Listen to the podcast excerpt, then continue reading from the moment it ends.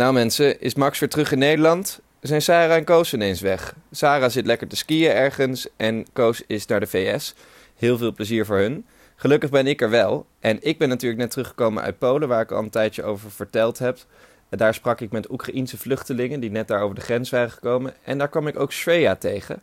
En Shreya is een Amerikaanse student en zij is 26. En zij had ervoor gekozen om in Kharkov in Oekraïne geneeskunde te gaan studeren. En toen brak er ineens oorlog uit.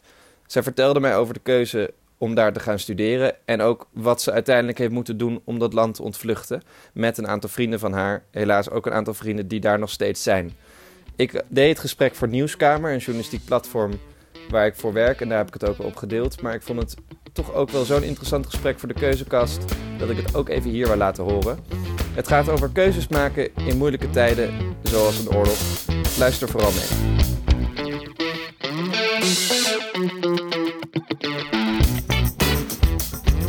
So, can you tell me who you are and where you're from and uh, where you came from? Sure. Uh, my name is Shreya. I came from Kharkov, Ukraine. I'm from the center of the city, and I'm originally from San Francisco in the United States. Right, and you're an exchange student? No, I chose to pursue medicine in Kharkov. So I already have my bachelor's in biochemistry, and I just decided to pursue higher education in Ukraine. And why did you decide to do that?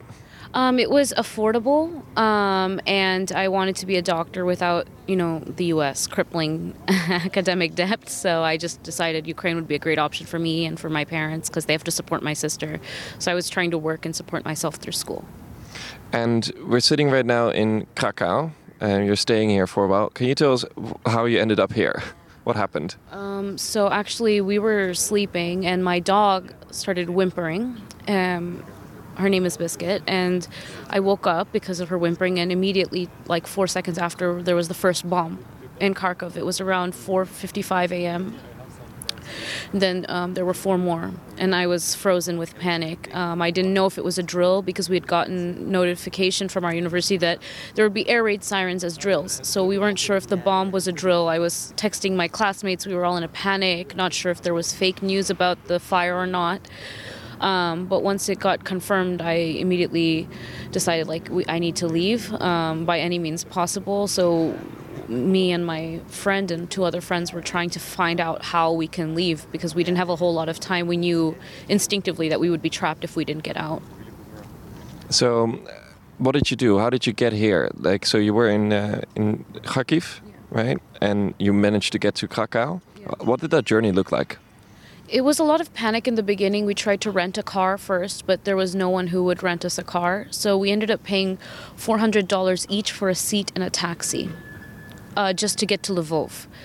Um, but we didn't even make it all the way to Lvov. Our taxi driver decided he was scared for his family, so he l- made us get into a car with strangers, um, like a few kilometers before Lvov, and we were relying on me and my friend were relying on one car, and the other two friends were separated from us um, into another car. So it was very difficult, um, and uh, along the way, I had to like leave my dog behind because the taxi driver didn't want her hair flying everywhere, and he told me like, "You have to leave your dog," and she was my emotional support animal. Um, so I trusted him with her, but yeah. Your dog is still there? No, he threw her on the streets, and he didn't tell me, and I found out through Instagram stories. Oh God, that's that's terrible. Um, you managed to get to Lviv eventually, Yes. um, and that is where. How did you cross the border from there? We first booked a hotel um, because we didn't know where our other two friends were. Signal was terrible at the time, and um, they ended up renting a house. And they were saying, "Do you want to come stay with us?"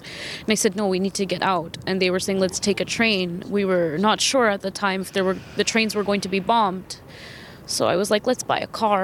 Um, so we put together all of our savings of four thousand dollars. We bought a car and we were stuck in line in Lvov. We took a shortcut through this path that we found on Google Maps, which was entirely rural. There were a lot of bumps, and in the process of trying to maybe save ourselves one or two full days uh, in the line, we ended up breaking the car radiator because it was so bumpy. So after that, we were stuck in line for the next three days.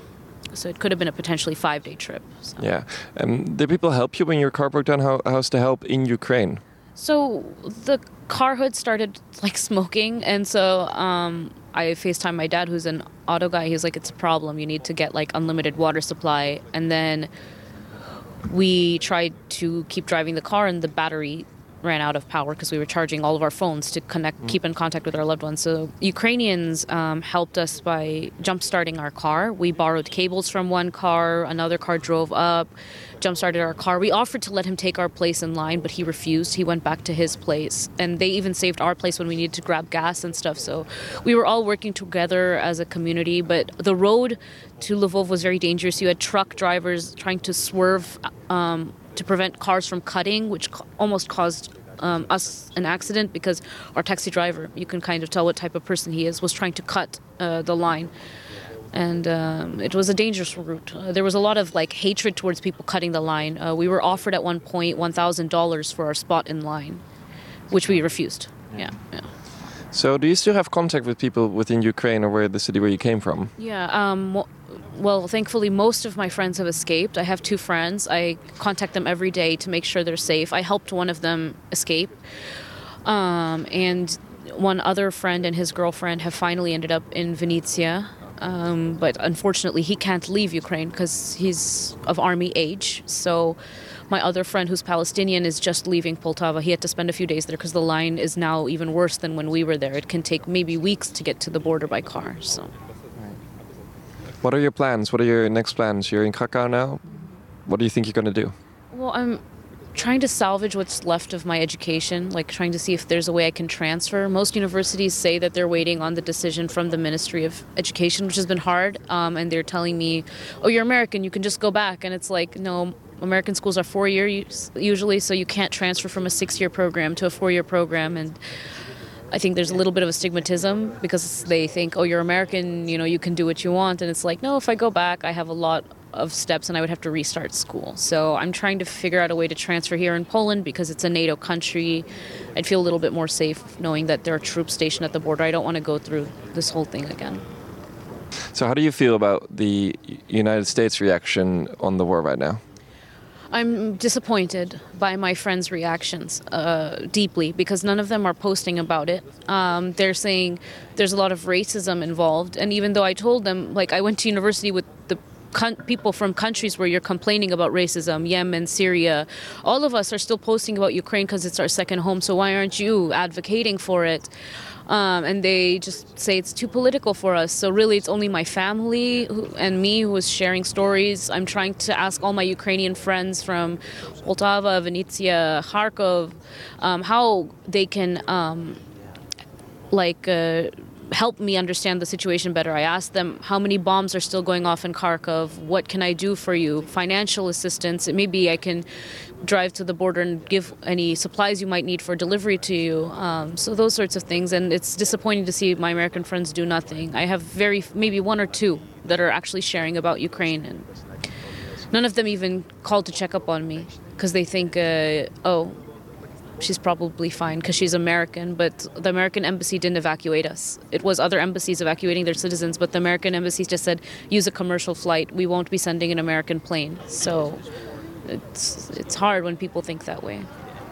And what do you mean that it's too political? Do you know what they mean by that, or like yeah. you, you mentioned racism? What, what, does that mean? They think that um, the coverage that Ukraine is getting. I mean, it is the fault of some casters where they deliberately say, "Oh, this is not this is a civilized nation. Um, this is not a third world country." It's like like they shouldn't be doing this because this is compounding onto the stigmatism, but their reasoning for racism is like they think a lot of foreigners are being left at the border, which in part is true, in part is not. I have heard from people that a lot of people who are trying to cross the border at Poland don't have passports, and currently only Romania is accepting people who don't have passports.